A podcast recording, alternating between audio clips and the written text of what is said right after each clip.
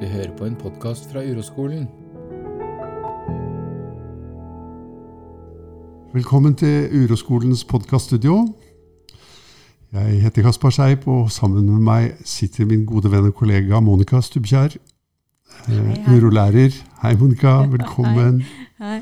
Det er så hyggelig å være i podkaststudio sammen med deg. I like måte. Takk. Mm.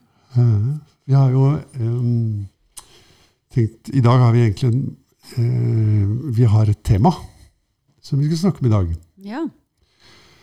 Og det, det, det kan jo sies på litt forskjellige måter, men det temaet eh, Vi kan jo kalle det innledningsvis overvekt. Mm. Mm. At Det er jeg du som har valgt det, Monica. Ja, det er jeg som har valgt det. For at jeg, når jeg sitter og leser um, Jeg elsker å sitte og scrolle på mobilen. Sier du det? Spise potetgull? Nei da. Og, men uh, å lese artikler uh, Sånne uh, artikler er vel stort sett kronikker, er det det det heter?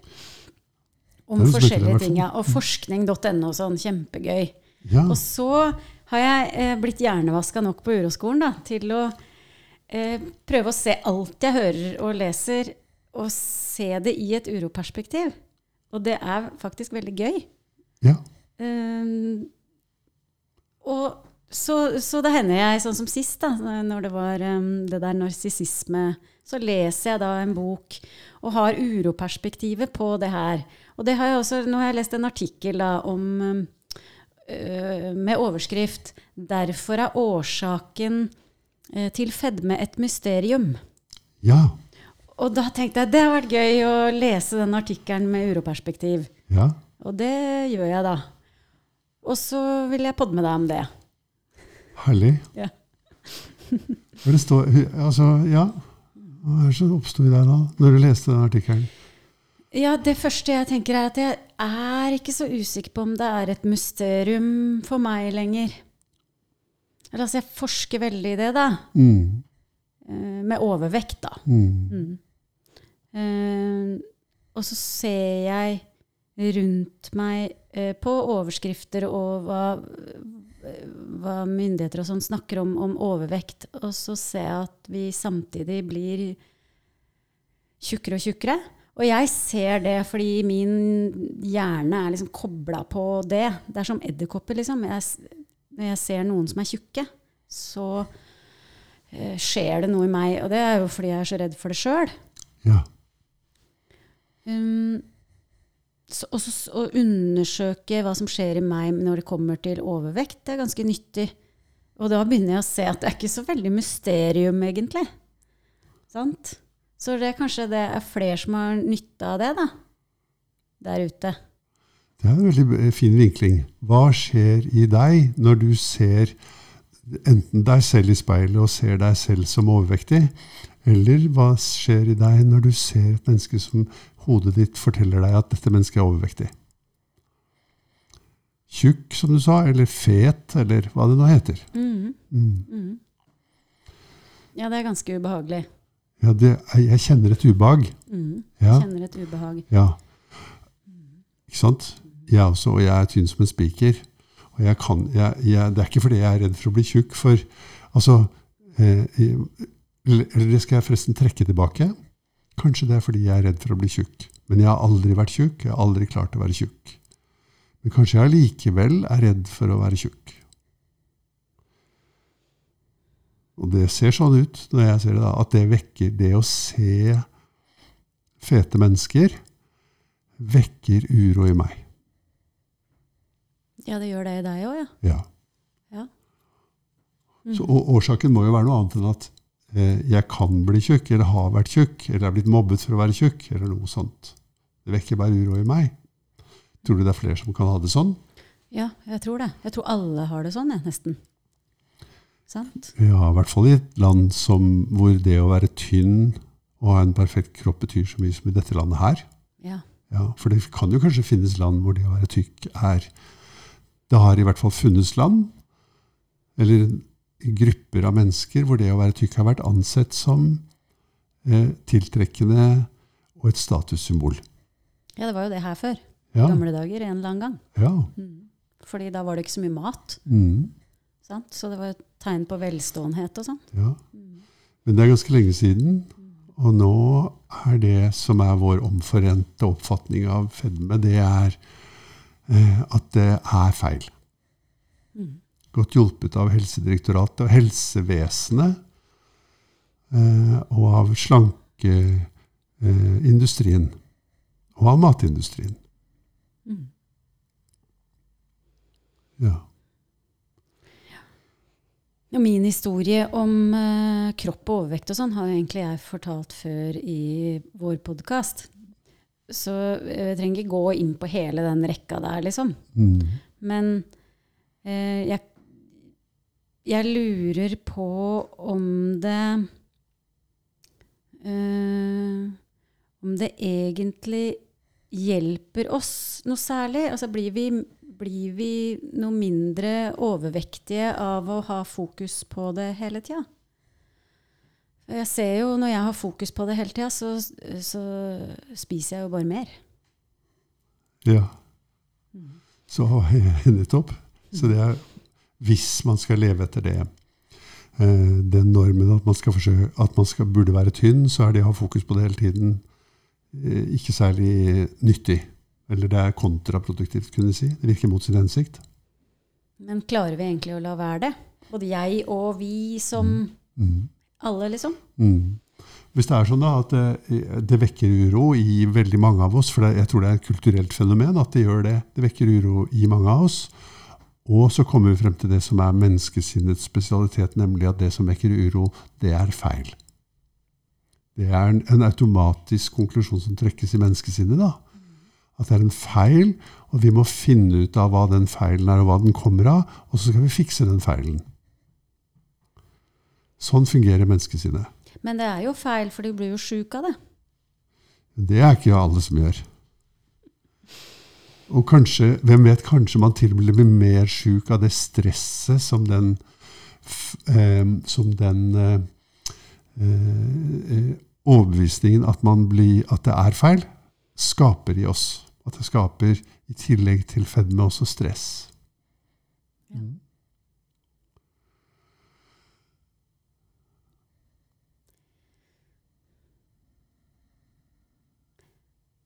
Ja, for vi vet jo ikke hva det stresset gjør med kroppen vår, nei.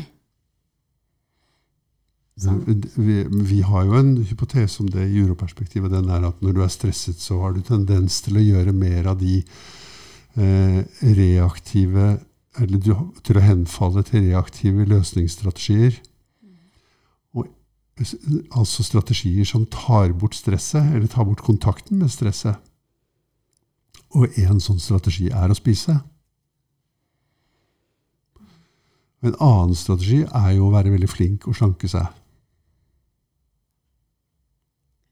Ja. For det er de som har fått det til, da.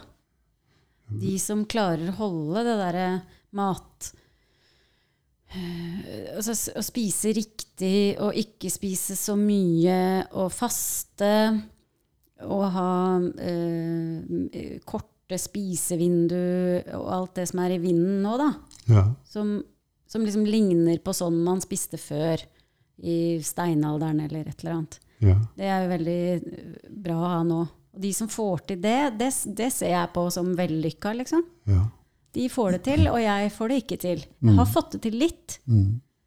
Og så kom det en ny regel, så alt bare smadra sammen, og nå er jeg helt på galeien, liksom. Ja. Og får det ikke til. Mm. Og blir tjukkere og tjukkere. Mm. Og det er jo helt realiteten, for jeg, buksa, jeg må kjøpe nye bukser, liksom. ja. Ja. Men, så, hva- Mm. men det ser ut som det er de som får det til. Mm. Men er det sant da at de får det til? De som er tynne? For eksempel jeg, er, er jeg tynn som et resultat av, av at jeg får til noe? Nei, men Det kan jo være lett å se det sånn, da. Det kan være lett å se det sånn. For menneskesinnet vil det jo være lett å se det sånn. Men jeg kan jo avkrefte at det er noe jeg får til. Jeg får ikke til å legge på meg. Selv om jeg hadde prøvd det. Jeg prøver jo ikke egentlig det heller, men, eh, men å bli tykk, det har, har jeg ikke anlegg for. Det er mange, eh, mange mennesker det som ikke har anlegg for det. Men du får jo til å spise sånn som jeg tenker er lurt. Sant? Du spiser jo ganske sunt. I, i, i mitt sinn, mitt Mm. hode. Mm. Det får ikke jeg til. Du drikker jo ikke Pepsi Max. Gjør du det, da? Jeg tror ikke jeg har smakt engang. Ikke sant? Jeg, Ikke jeg har ikke noe interesse for det. Jeg drikker rødvin. Det har jeg interesse for. Mm. Ja. Um, um, men kanskje ikke jeg får til det heller. Det som har fått meg til å forandre kosten, vet du hva det er? Det er at, jeg, at jeg har oppdaget at den kosten jeg har hatt, har hatt bivirkninger for meg som har vært av veldig alvorlig karakter. F.eks. at jeg er blitt syk av det. Ikke tykk, men syk. Og at når jeg har forandret kostholdet mitt da, f.eks. tatt bort gluten For det har jeg gjort. Og jeg har levd uten gluten i mange år, og det har gjort at jeg har vært mye friskere. Så det var en veldig enkel ting. Men det, var, det som fikk meg til å gjøre det, var to ting. Det var ene var at jeg var, hadde det veldig vondt med det. Ikke med gluten, men med å være syk. Og at jeg fikk den informasjonen om at eh, det er en sammenheng mellom de symptomene jeg hadde, og det å få, ha en irritabel tarm. Og det får man av gluten, eller kan få av gluten. Så jeg fjernet det, da. Og det var faktisk ikke noe jeg fikk til. Det var, bare, det var en enkel ting. Det kostet meg ikke så mye. Nå syns jeg til og med det glutenfrie brødet er godt. Jeg lengter ikke etter annet brød. Men her er vi inne på noe, da. Ja. For, for meg så er det også bra å spise på en viss type måte Mm, for kroppen min. mm, Men det hjelper ikke, for jeg får det ikke til. nei. Så, eh, så eh, det å vite om at noe er bra, er kanskje ikke nok til å skape en forandring. Nei, noen får det jo til på den måten, ikke sant? Man leser og leser og får masse kunnskap. Og f danner seg en idé om hva som er riktig og ikke, bra og ikke bra. Mm, Og så spiser man deretter. mm, Men jeg har lest de samme bøkene. Jeg kjenner jo flere som får til i anførselstegn liksom dette, da. ja, Ut ifra kunnskap. ja. Og så jeg, jeg, jeg, jeg tror også på den kunnskapen. Mm. Men det hjelper ikke. Kan det tenkes at det er slik at det er noen mennesker som har spising som et sterkt reaktivt mønster? Det vil si at knyttet til spisingen deres så er det veldig Spisingen er en veldig viktig strategi for å slippe å kjenne veldig dyp uro. Mens andre mennesker har det ikke sånn. Spisingen er ikke så stor grad knyttet til Altså eh, fungerer ikke i så stor grad som en strategi for å slippe å føle uro. Og begge de to mønstrene er jo selvforsterkende. Det vil si at hvis jeg, hvis, eh, at når jeg forsøker å kontrollere min egen spising, så vil jeg komme i kontakt med enda mer uro, og jeg vil måtte spise for å holde uroen i sjakk. Mens jeg har det litt enklere, for jeg kan, i hvert fall nå i livet mitt, i mye større grad forandre eh, spisemønsteret mitt bare pga. kunnskap. Ikke, ikke når det gjelder alle ting, men når det gjelder f.eks. det med gluten da, og melk. Jeg, også, jeg hadde det sånn med banan også. Jeg har spist en banan til frokost gjennom mange år. Og Så kom jeg til en akupunktør, for jeg var så plaget av eh, luftveisinfeksjoner. Så kom jeg til en akupunktør, og så, hun, så spør hun meg, uten at jeg har sagt noe, så sier hun 'Spiser du banan?' Så sier jeg at jeg spiser banan hver dag. Og så sier hun 'Kan du prøve å slutte med det?' Bare kutte ut det. Og det Jeg syns banan er ikke noe viktig. Var ikke det heller, egentlig. Det var bare en sånn vane. Ja, det er jo fint å ha i frokostblandingen, liksom. Så jeg bare droppa det. Og det tok liksom to dager før jeg merket eh, at det funket, da. Men for meg så er ikke det det å regulere og forandre på kostholdet mitt, det er for, for meg å la være å spise noen dager, det er ikke noe som vekker noe mye uro i meg. Og det å ta bort noe og innføre noe annet er heller ikke noe som vekker så veldig mye uro. Det som vekker uro i meg, er faktisk spise for mye, litt for sent og sånn, sånn at jeg er for tung i kroppen når jeg skal sove. Det vekker mye uro i meg. Ja, det går helt fint for meg. Ja, Jeg kan spise en biff og gå og legge meg. Det Ja. funker ja. bra, det. ja. Ja, ja. Så vi er veldig forskjellige da, når det gjelder det. Og så, og, så eh, og det er jo de menneskene som har den ideen om seg selv at eh, de burde spise annerledes, og de, kroppen deres burde være annerledes. Det er de menneskene som blir mest trigget av, å, hol- og av kravet om å gjøre kosten riktig. Mens for meg så er ikke det noe big deal, liksom. Det er, ikke det, det er ikke det som er vanskelig for meg i livet. Det med å endre på kosten min. Mens de som gjerne vil at vi skal gjøre alt vi kan for å hindre overvekt, Ja. det er kanskje ikke deres mønster. De holder på med andre ting. Nei. Mens de blir, får et ubehag av å se uh, tjukke mennesker. Ja. Og særlig tjukke mennesker som får Ja. problemer av det. da. Ja. Mer enn andre ting, mer enn folk som kommer med kreft, liksom. ja. Det er jo ingen som blir provosert av det. Men så det, jeg, har, jeg møter alle de selvforaktene. jeg ser meg selv i speilet fordi jeg er for tykk. Jeg møter selvforakten fordi jeg er for tynn. Eh, men, og jeg klarer ikke å gjøre noe med det. Jeg vet ikke hvordan jeg skal Jo, jeg klarer å gjøre noe med det hvis jeg trener veldig mye. Det bygger muskler, på en måte. Og, det, og det, eh, hvis jeg hadde hatt den ideen veldig sterkt, så ville jeg jo prøvd å gjøre det. Eller, eller jeg ville ikke klart det, eventuelt. Men det er ikke så veldig sterkt. Og det var ganske sterkt da jeg var yngre, at jeg var for sped. Men nå er det ikke så. Du vet, Når man har passert 70 år, så er det kjørt. Ja. Men eh, den ideen eh, som fyres i speilet, da, om at jeg, og at du kan gjøre noe med det bare ved å ta deg sammen, den har jo du. Du Ja. burde, skulle, kunne, måtte klare å gjøre noe med det. Mhm. Ja, Den sitter spikra inn i pappen din. Mens i meg så sitter ikke den ideen. Og den ideen, hvordan får den deg til å føle deg, da? Nei, Når du da legger på deg som du sa du gjør nå? nei, altså, det er det jeg kjenner, da. At jeg blir lei meg. For at det, det begynner jo å synes. Ja. Og det er jo det verste. Det er veldig lett å ha masse mønster hjemme og sånn som ikke syns. ja, Altså, Men nå begynner det å synes. ja. Men, men du sier lei deg, du. Ja. Mm, Hva, hvordan kjennes det? Hva, er det sant at det er det du er? Eh, er det, kan du si noe mer om det? Altså, det er eh, Jeg blir litt sånn hektisk i kroppen. Eh, Ja. Jeg kjenner oppi Ja. Det blir vanskelig å puste, liksom. Ja. Jeg må drikke litt vann. ja. Mhm. Og så skulle jeg liksom Jeg syns det er så vondt at jeg ikke kan liksom, ha den medfølelsen med meg sjøl, da. Noen ganger kan jeg det, ja. men ikke alltid. Ja, det er fint. Um, For da, da tenker jeg da kan vi bidra litt med uro. Litt urokunst. Mm. Nemlig uh, hvis, hvis vi legger den ideen om at du burde kunne ha mer medfølelse med deg selv til side, og så bare kjenner på den følelsen det er når det er sånn, den følelsen du kjenner ganske høyt opp i brystet eller i halsen, Mm.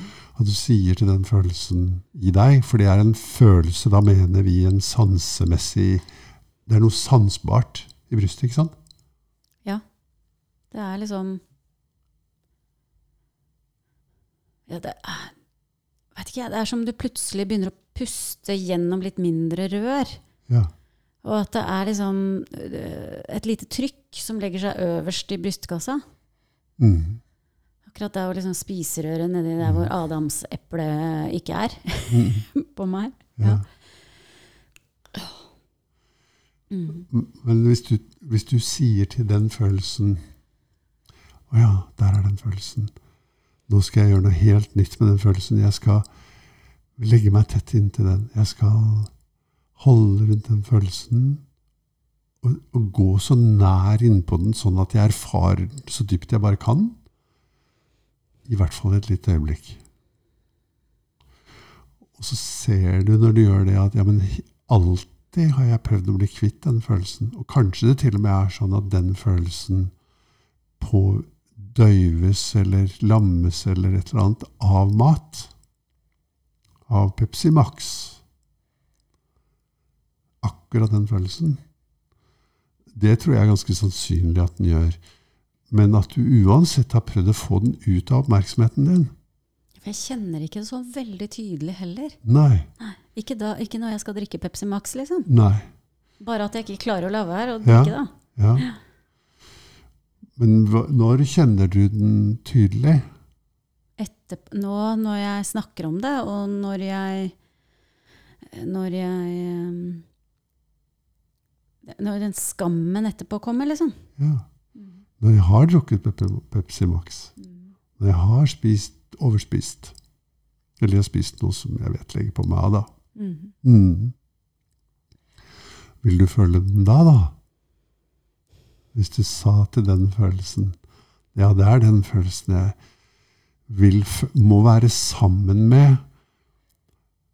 Fordi at bortover den veien vi er sammen med noen, så blir vi kjent med dem, og kanskje til og med glad i dem, og kanskje til og med eh, eh, interessert i dem, og vennlig innstilt overfor dem. Akkurat den følelsen som du kjenner når skammen kommer, som antagelig er det en skamfølelse, ikke sant?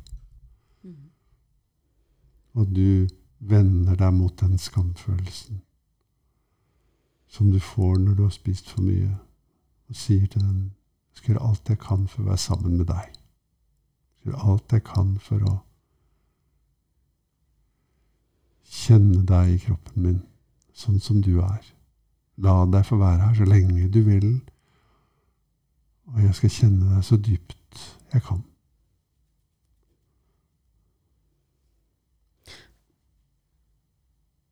For det jeg har prøvd på, er jo å kjenne etter før, ikke sant? Ja. Med den intensjonen om at hvis jeg bare kjenner stopper opp nå, Mm. og kjenner etter, så gjør jeg ikke det jeg skal gjøre. Mm. Med den agendaen, liksom. Mhm. Ja. Men det funker ikke. Nei. Fordi at jeg klarer ikke det. Mm. Og selv om jeg klarer å stoppe opp og kjenne, Mm. sanse kroppen min f.eks., hvis jeg ikke kjenner noe sånn særlig uro, Ja. så gjør jeg det likevel. ja. Og hva sier den kritikeren din til det? At jeg ikke skulle gjøre det. Ja. Og det er derfor vi sier i Uroskolen så sier vi bare ja, men hvis du kan kjenne det et lite øyeblikk før du gjør den handlingen, eh, så, det, så gjør du det. Og hva som skjer etterpå det, det er knekkende likegyldig. Kritikerne vil jo være veldig imot det, men, men det spiller ingen rolle. Hvor mange ganger har du overspist i livet ditt, tror du? Eller spist noe som du legger på deg av? Mange ganger? Enkeltganger, liksom? Kanskje tusen ganger, da. Ja, nei, det må være mer. Jeg er, 40, jeg er snart 45 år, og Ja. jeg gjør det tre ganger om dagen. Ja.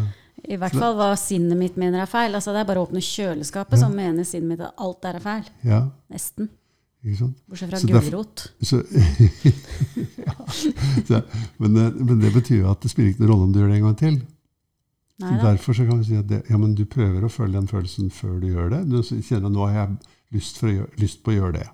Dette er en måte som vi jobber med også overfor f.eks. folk som har bulimi. Nemlig at når de går inn i den, det ritualet som et bulemisk ritual er, eller en bulemisk atferd er, eh, så eh, får den personen i oppgave å føle kroppen sin i et øyeblikk. Og så, om det ritualet kommer etterpå, det er akkurat like vanlig som alle de andre gangene hvor det har kommet. Det bare ført til én ting, og det er å føle seg selv i et sekund eller et øyeblikk før ritualet. Og så går man gjennom ritualet med alle dets eh, eh, handlinger og, og følelser og tanker. Og så kommer man ut på den andre siden, og så kan man se tilbake på ritualet, og så kan man kjenne noe da også. I hvert fall ett sekund.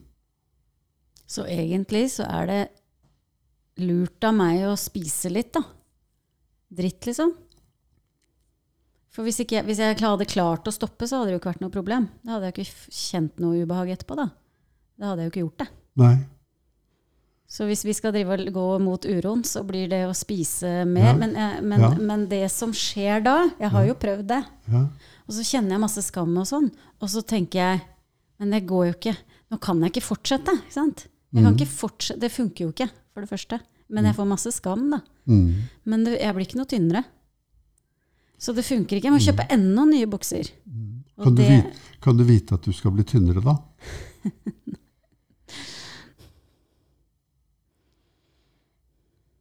Kan du vite hvordan du burde være?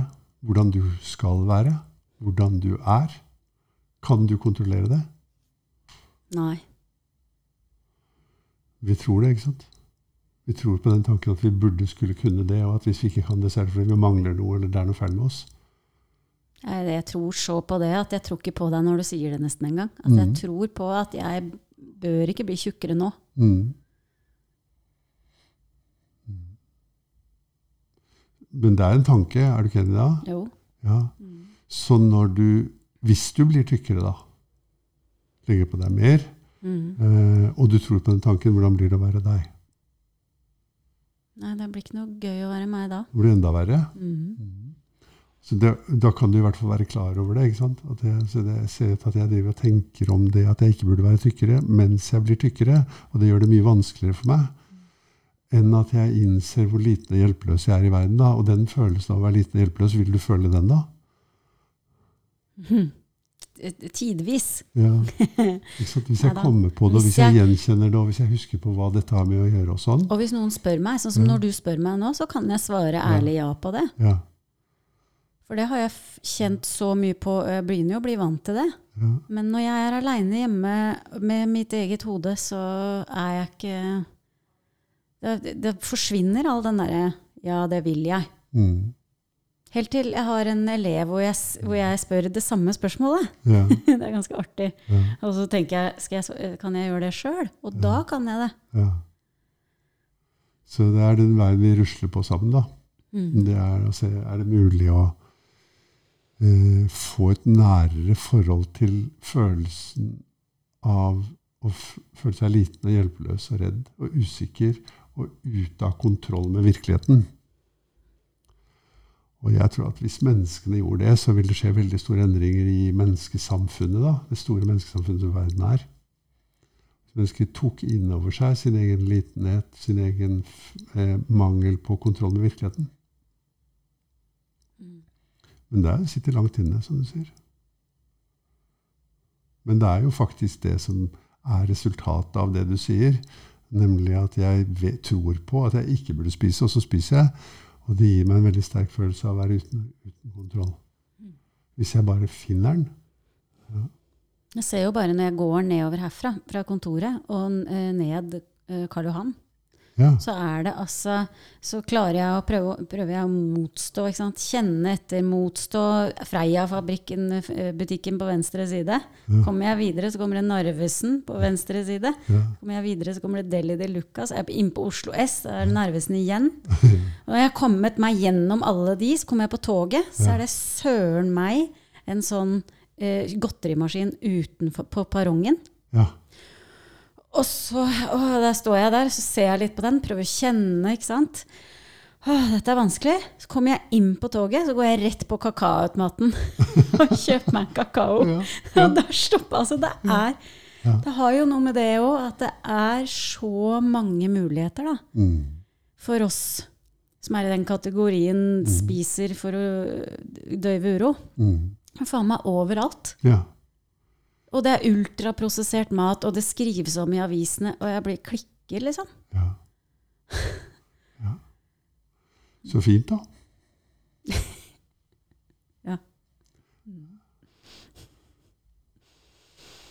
Det, eh, vi kunne jo gjøre oss til forkjempere for, at, eh, for et sunt kosthold i samfunnet. Det er mange som gjør det. Vi kunne jo også slenge oss på den bølgen og bekjempe Narvesen og Deli de Luca. Og, og, eh, I gamle dager var det en sånn isbar også nedpå der. Eh, på hjørnet nede på Karl Johan der hvor vi gikk og spiste is Ja. da vi var unge.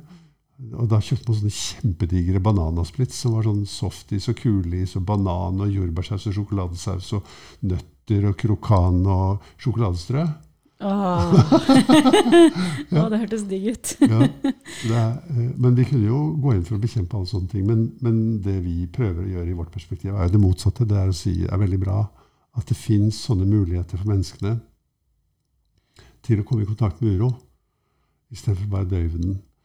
Og for alle de som vil døyve den, og som lever fint med det, de kan jo bare fortsette å gjøre det. Det er ikke noe problem. Det er de som, syns, som kommer til et sted hvor det blir virkelig tungt, da, fordi kroppen blir veldig tung, f.eks., eller skammen blir så tung å bære. Ja, eller man blir syk, da. Eller man blir syk. Av kostholdet, liksom. Ja, Mm. At vi kan øve oss på Hver gang vi ser den isbutikken på hjørnet der, sant, så kan vi liksom stoppe opp og prøve å flytte oppmerksomheten inn i kroppen og kjenne hvor den er. Jeg egentlig kjenner det når jeg står her. At virkeligheten inneholder den muligheten til å romme uro. Istedenfor til å gå inn i et reaktivt mønster som er å spise. da. Husker du når vi, vi har vært på seminar med Uroskolen? Ja. Så satt vi og spiste frokost, og så satt vi og spiste julekake. Eh, og så sier du plutselig Det er noen her som har et mønster i å stappe i seg mest mulig på kortest mulig tid, eller noe sånt. ja. Fy fader, ass. Og det svei så innmari. Jeg bare stoppa med den julekakegreia i munnen og bare la den pent ned på bordet. Mm. Med smør. Med smør og brunost. Mm. Og det bare, da, da kjente jeg skammen tydelig, da. Ja. Det Fy søren, altså. Ja. Og etterpå så snakka vi jo litt rundt det, selvfølgelig. Og etterpå så var det en av de andre lærerne som sa det der var mynta på meg, ja. fordi jeg et eller annet. Og da satt jeg og tenkte at det var jo meg. ja. For jeg hadde sagt et eller annet. Det er bare å spise masse julekake og kjenne på skammen etterpå, eller et eller annet sånt noe. Mm. Fy fader, alle, som viste det seg at alle vi som satt og snakka om det, da, trodde det var seg du snakka til. Mm. Og alle var så skamfulle. Ja. Og det var jo Setter seg jo mest i de som har det som mønster, ikke sant? Hvis du Ja. plutselig blir påpekt at du har det som mønster, da. Mm. Det svir, altså. Så vi, vi som er på uroskolen, er veldig viktig at vi har sånne mønstre. da. Og at, vi får, at vi, de blir påpekt, og at vi får sett på de sammen. Og at vi får følt alle de følelsene som knytter seg til det, og sett tydelige mønstre. Eh, fordi at uten det så er vi Hvis vi var uten sånne ting, så hadde vi ikke hatt noen ting å si overfor folk som har sånne mønstre. Vi må ha dem selv òg. Det heter medfølelse. Mm.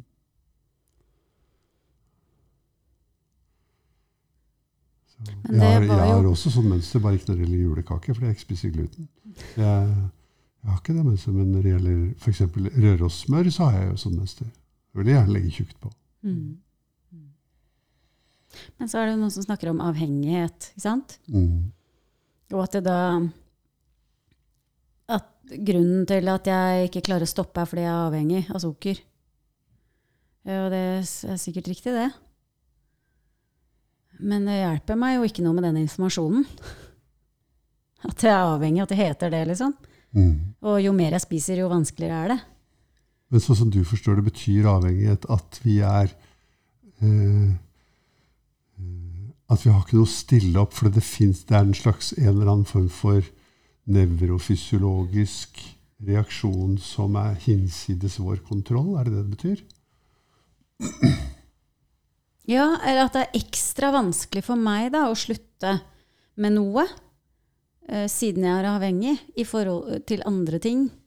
Liksom. Mm. Er det, ja? Ja.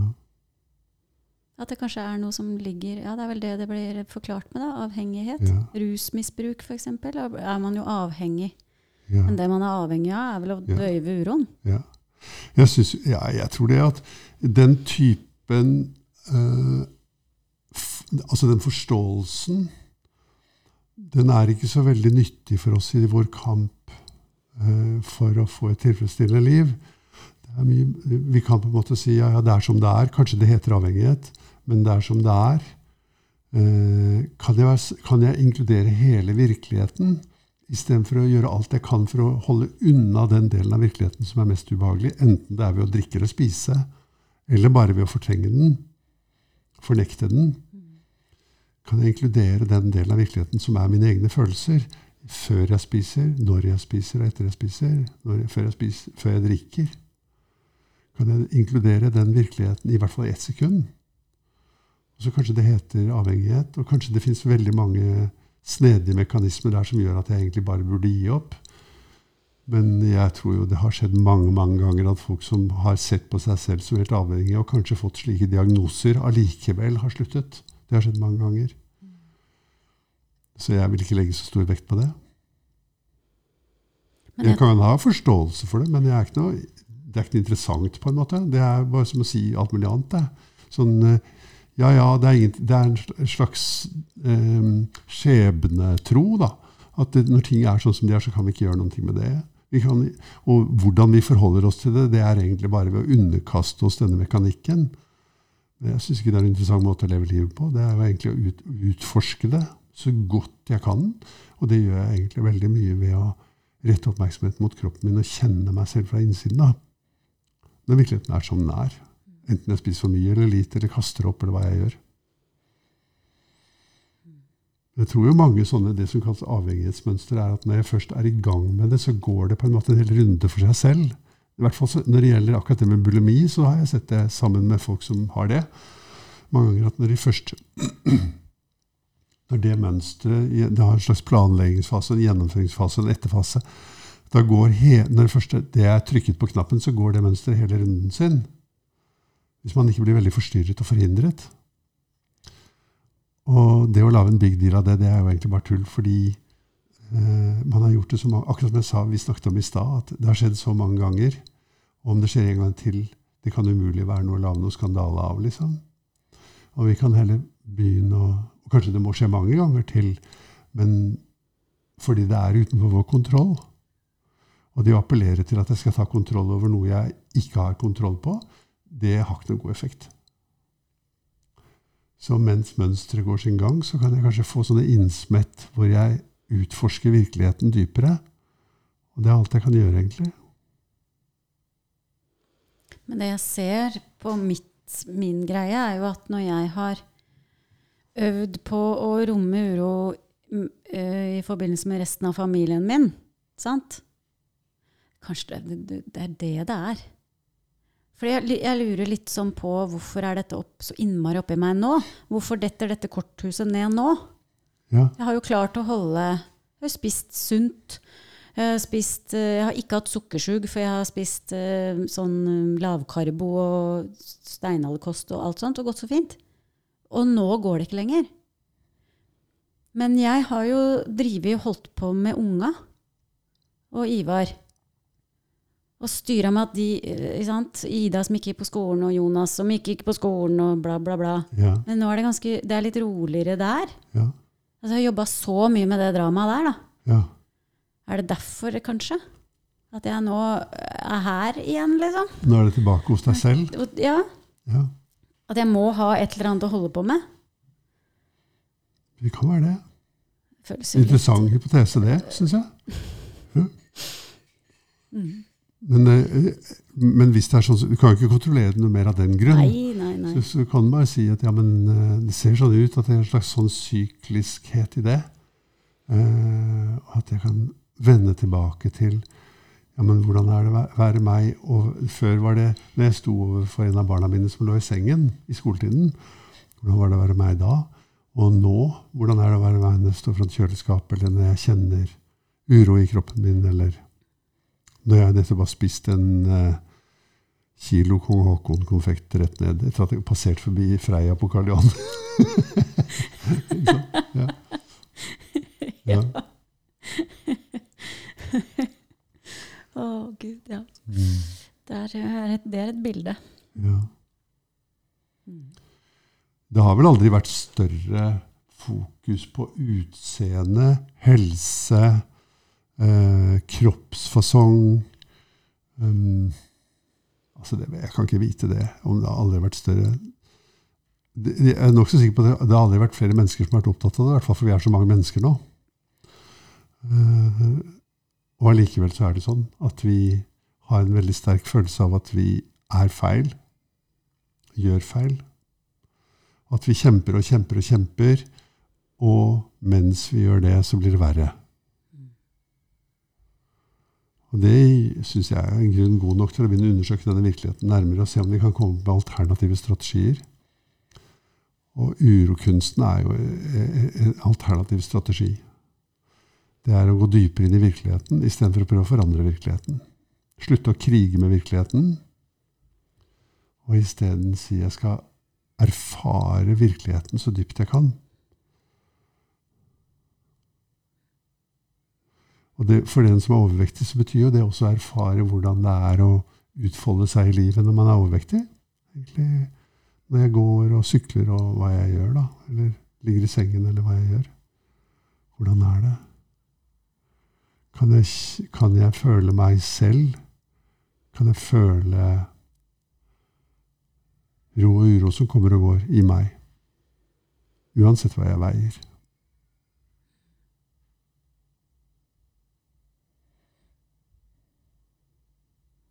Ja, så fint.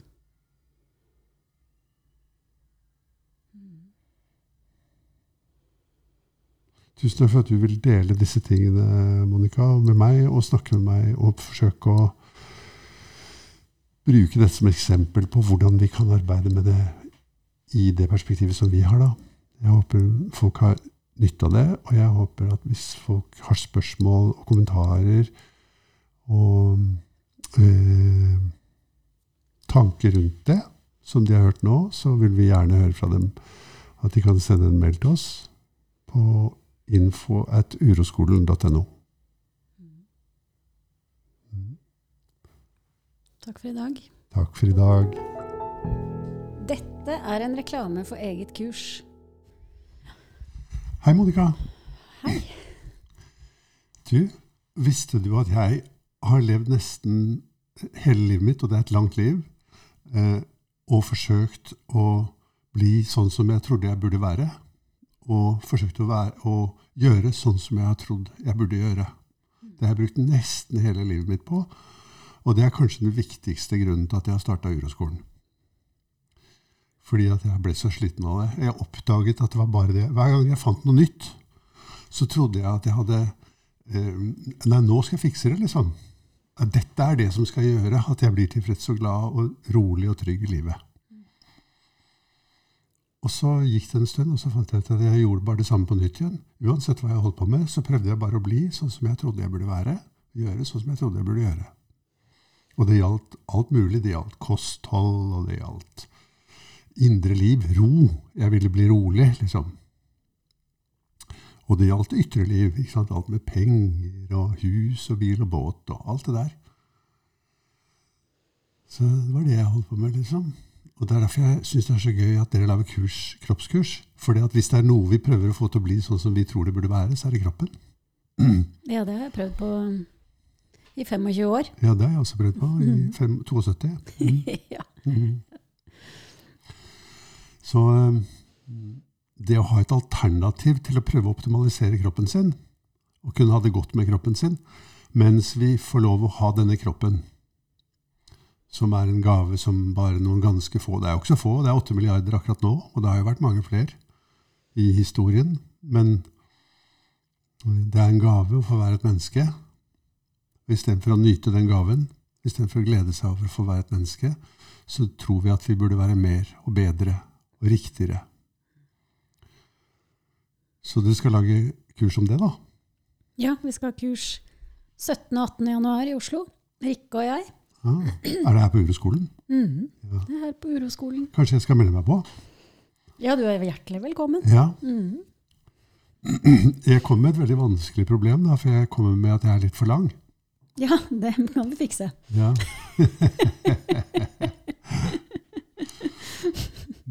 mm.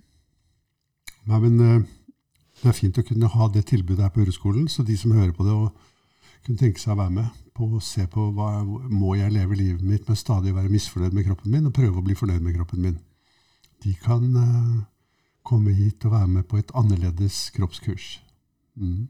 med Rikke og Monica. Velkommen. Velkommen.